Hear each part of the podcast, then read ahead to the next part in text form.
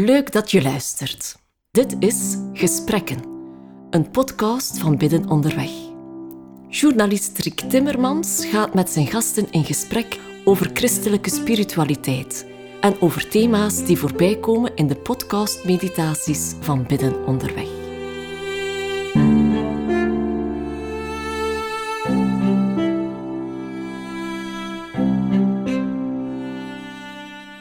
Nicolaas, weet jij waarmee Marcus uh, de verkondiging van Jezus begint? Ik vermoed dat dat is de bekoringen in de woestijn. Ah, ja.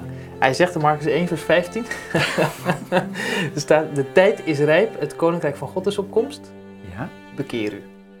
Ah, En eigenlijk is dat thema, dus dat zal ook het thema zijn waarover we gaan spreken, is ook in het Lucas-evangelie al heel mooi doorheen geweven eigenlijk, de bekering. De oproep van Jezus om ons te bekeren.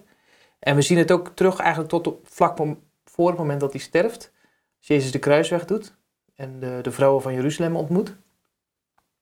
Die staan te huilen, zegt hij, eh, eh, goh, huil niet om mij. Huil om, je, om jezelf en om je kinderen. eh, en bekeer u. Dus er is eigenlijk voortdurend in die weg van Christus eh, Hmm. een oproep aan ons om ons te bekeren. Eh, het zou je niet verbazen, want we hadden afgesproken dat we zouden, dat we zouden spreken over bekering. Want nou goed, de vaste tijd komt er bijna aan. En dat is bij uitstek eigenlijk ook in de traditie eigenlijk een periode om ons te bekeren. Ehm, wat roept dat bij jou op, dat, die term, die bekering? Is er iets waar je positief op reageert of iets waarvan je denkt, oei? ik verlang daarnaar. Ik verlang daar gewoon naar. En ik vind het eh, interessant, het was me oft ontgaan dat het eh, evangelie van Marcus eh, zo meteen begint met bekering en tegelijkertijd ook niet, want Marcus begint heel snel met het publieke leven van Jezus. Mhm. En bekering gaat over je meer richten op Jezus. Ja. Bekering is gewoon meer worden als Jezus. Hm. En allerlei zaken, gewoontes, houdingen, zaken die je doet, die je niet doet, in je persoonlijke leven, enten, laten inspireren door de persoon van Jezus. En in die zin vind ik het normaal dat eh, een evangelie als dat van Marcus van bij het begin begint met een oproep tot bekering. En ik verlang daarnaar. In die zin eh, is voor mij de 40 dagen tijd ook altijd een, een mooie tijd waar ik blij ben van die te mogen eh, beleven. Omdat meer leven als Jezus, dat geloof ik ten gronde, betekent meer leven. Hm. En meer leven betekent ook op een bepaalde manier meer vreugdevol zijn. Niet noodzakelijk een joepie-joepie eh, vreugde, maar een vreugde van dit is goed. Datgene waarmee ik bezig ben, datgene wat mij te beurt valt, is mijn weg. En daarin nodigt God mij uit, soms op een heel onverwachte manier, om te leven.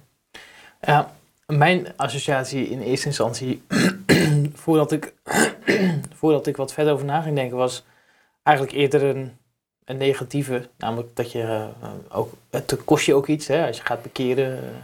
Maar toen, toen ik dat ging zien van wat het eigenlijk kan betekenen, nou, zoals jij het omschrijft, is het eigenlijk ook een gebrek of eigenlijk een verdriet als je eh, wat je doet ten, eh, naar jezelf toe, maar ook naar de mensen met wie je samenleeft, als je weigert om je te bekeren.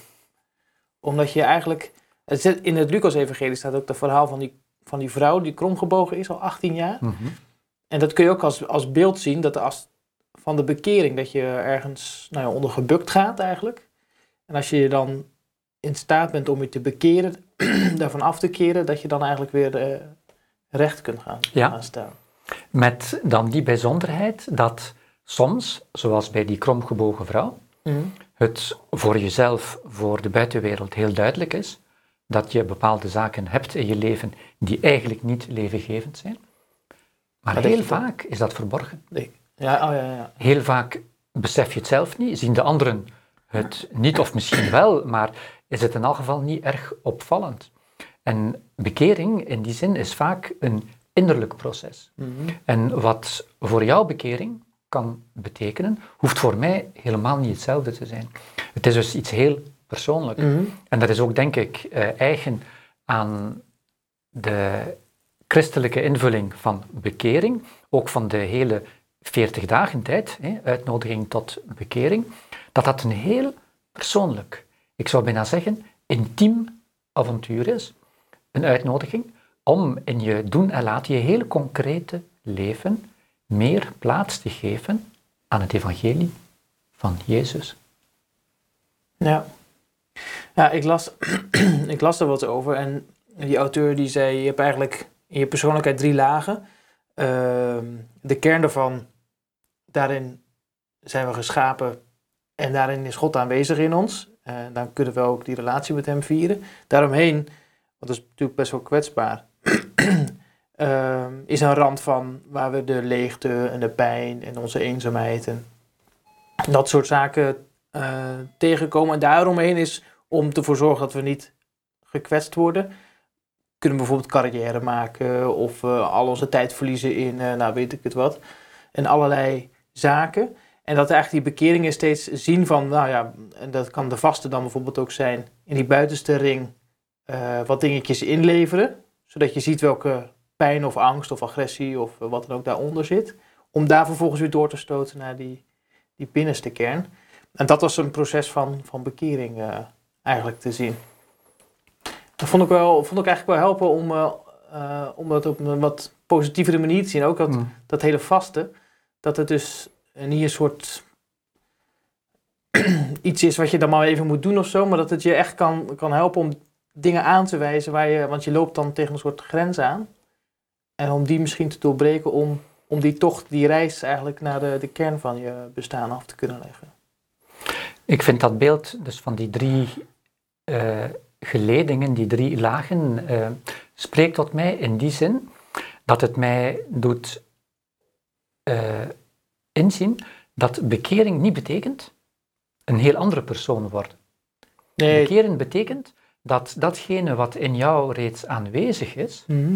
en die, die kern, die kern eh, die goddelijke kern in, elk van, in elke mens. De mens geschapen naar beeld en gelijkenis van God, die schoonheid, die goedheid, die aanwezig is in elke mens, om die eigenlijk door een aantal zaken, een aantal perspectieven wat te veranderen, door een aantal combinaties van zaken die er zijn in jou, die reeds potentieel aanwezig zijn, door enkele zaken aan te passen, het mogelijk maken dat je diepste roeping, zijnde een kind van God te zijn, een goddelijk schepsel, gemaakt naar beeld en gelijkenis van God, Mhm.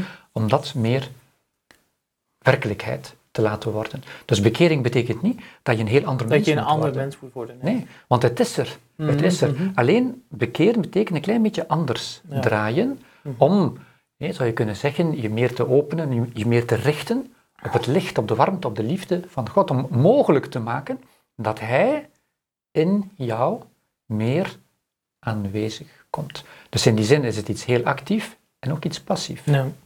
Iets doen om iets te laten gebeuren.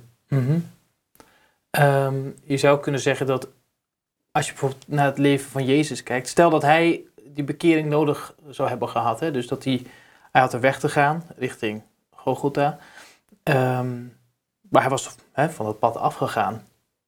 Ehm, dan had hij natuurlijk moet, zich moeten bekeren om terug op dat pad te gaan. Maar dat betekent dus ook wel dat de bekering in zijn geval betekent eh, wel rechtstreeks eh, een tocht naar de dood. Dus dat er ook, het kan ook het accepteren van lijden zijn.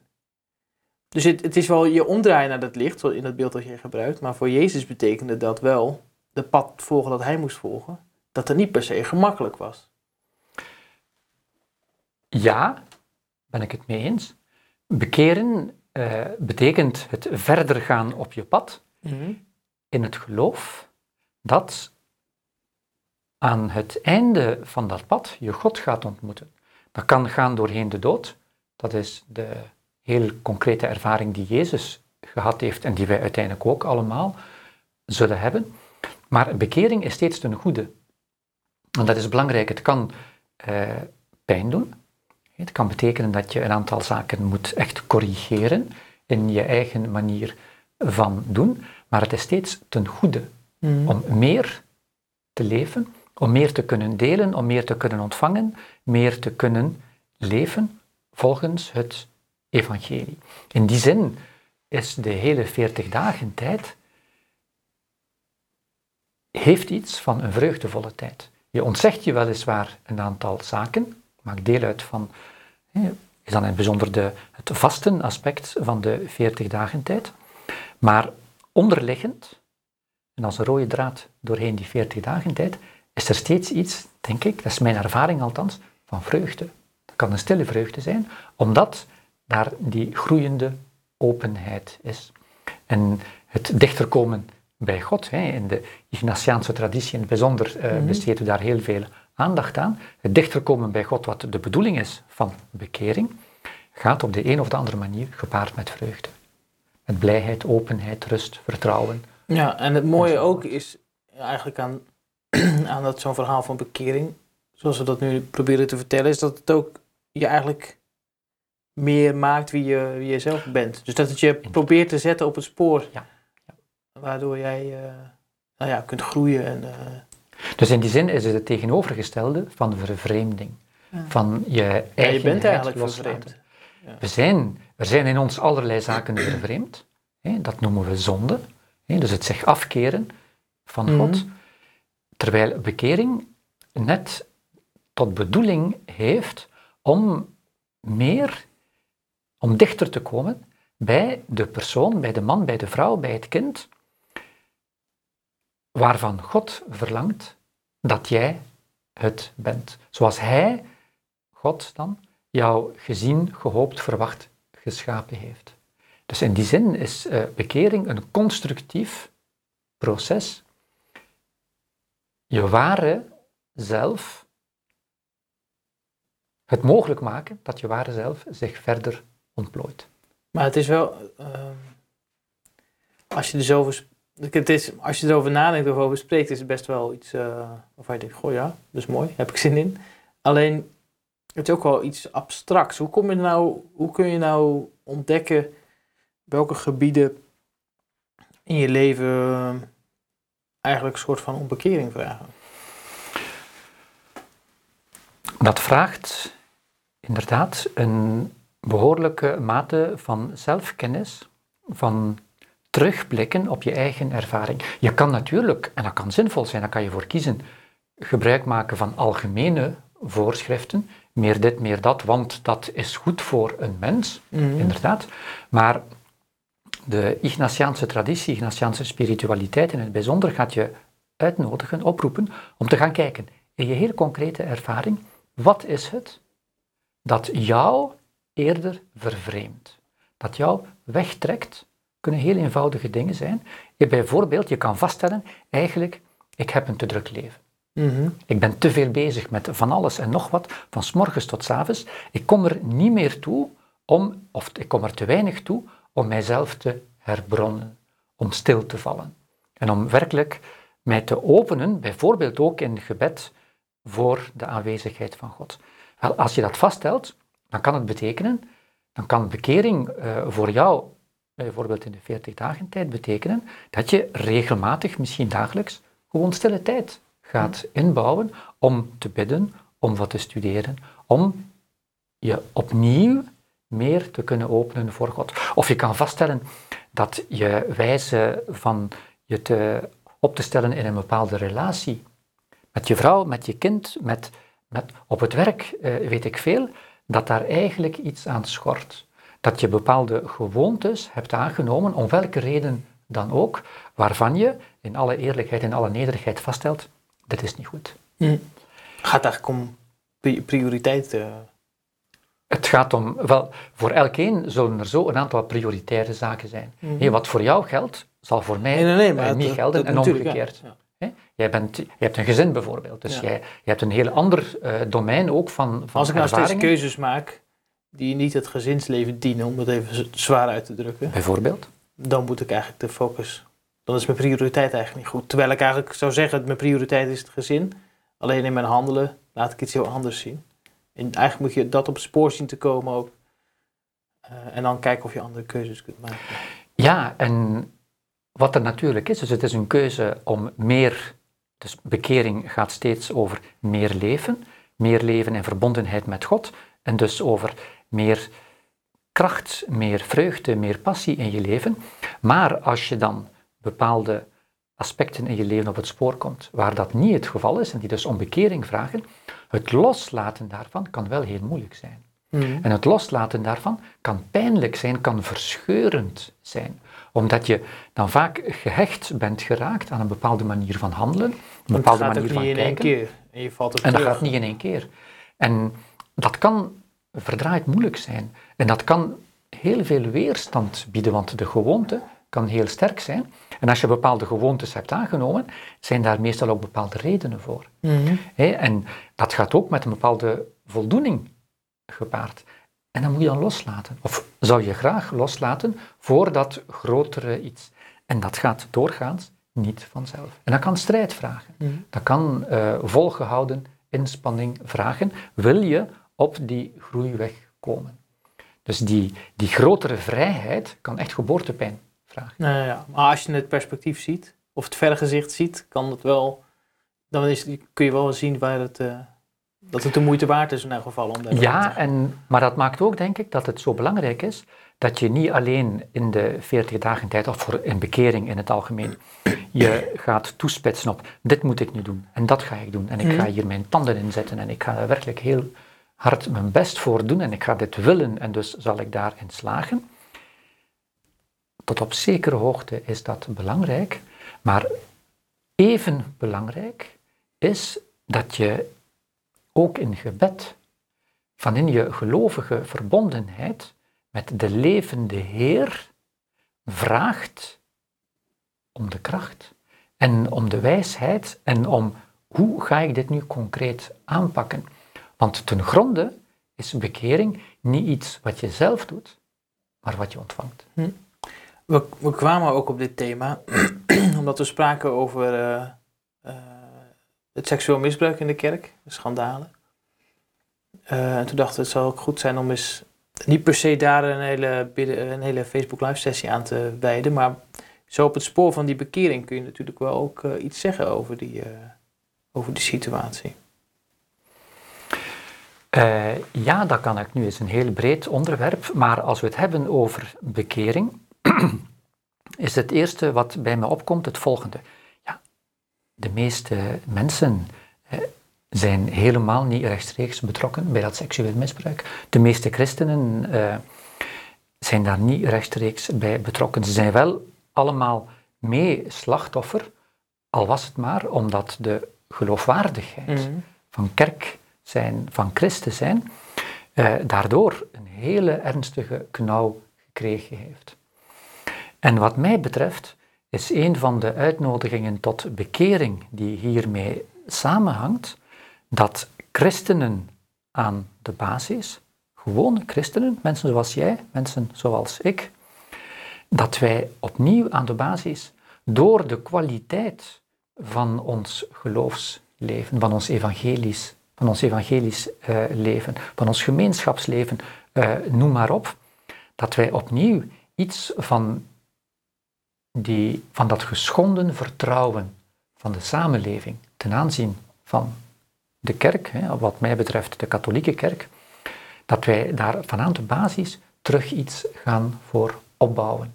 En dat gaat een werk zijn van hele lange adem. Dat gaat jarenlang duren, vooraleer wij een voldoende sterk getuigenis gaan kunnen geven, denk ik. En tegelijkertijd is dat ook opnieuw, zoals bij elke bekering, een mogelijkheid van groei. Want je meer richten op het evangelie, ook vanuit de basis, en niet voortteren op de reputatie, die eeuwenoude reputatie, maar werkelijk het evangelie opnieuw mens laten worden, opnieuw werkelijkheid laten worden, man, vrouw, kind, is, een, is voor de christen de mooiste uitdaging die er is.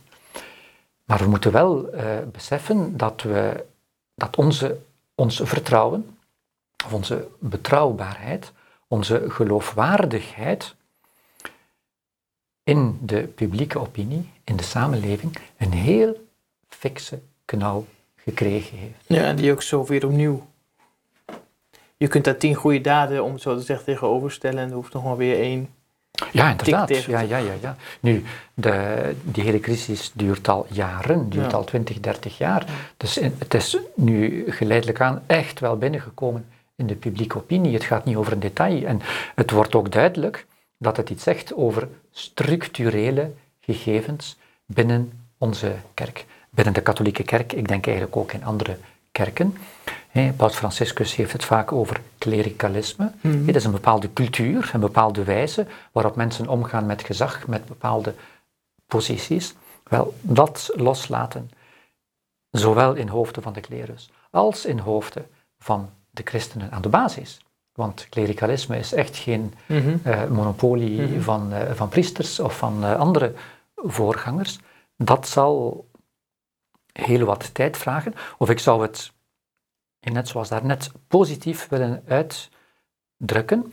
De uitnodiging, de, ja, de uitnodiging, de kans om opnieuw, elke keer opnieuw, ook in deze context, te ontdekken wat het betekent van de blijde boodschap te beleven. Want de blijde boodschap blijft blijde boodschap. Het is een uitnodiging en een buitengewone uitnodiging om Gods leven in ons kleine mensenleven zich te laten ontplooien, tot ontwikkeling te laten komen. Het evangelie blijft het evangelie en Hmm. blijft die revolutionaire, onwaarschijnlijke liefdesboodschap. En elke keer opnieuw, en ook nu in deze crisissituatie, worden wij uitgenodigd om dat opnieuw uit te vinden. Wat betekent dat vandaag in de 21ste eeuw, hier in Amsterdam of in Antwerpen of in Rotterdam of in Brugge of waar dan ook? Wat betekent dat voor gewone mensen om werkelijk zich te laten inspireren in hun dagdagelijkse leven, niet enkel op zondagmorgen, van s morgens tot s avonds, s'nachts in kluis, door God, zoals we hem leren kennen in de persoon van Jezus. Ja, en daar hoort dus bij die bekering. En Want dat vraagt is dat voortdurende precies, bekering. precies waar Marcus ook het evangelie mee Ja. begint. De tijd Ja. is rijp. Bekering is een ongoing process, zeggen de Engelsen. Het is een voortdurend gegeven. En steeds binnen de eigen context, binnen de eigen geschiedenis, persoonlijk, collectief. Het is een voortdurend avontuur. Christus zijn is je bekeren. Elke keer opnieuw, elke dag opnieuw.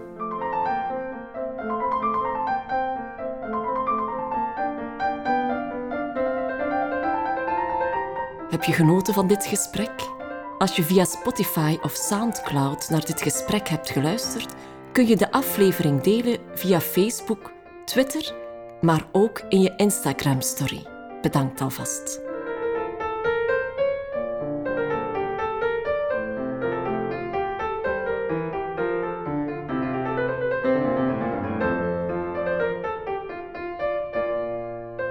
Bidden onderweg is een gebedspodcast. Iedere dag staat er een nieuwe Bijbelmeditatie van ongeveer 12 minuten voor je klaar. Je vindt de gratis app van Bidden onderweg in je App Store of ga naar biddenonderweg.org.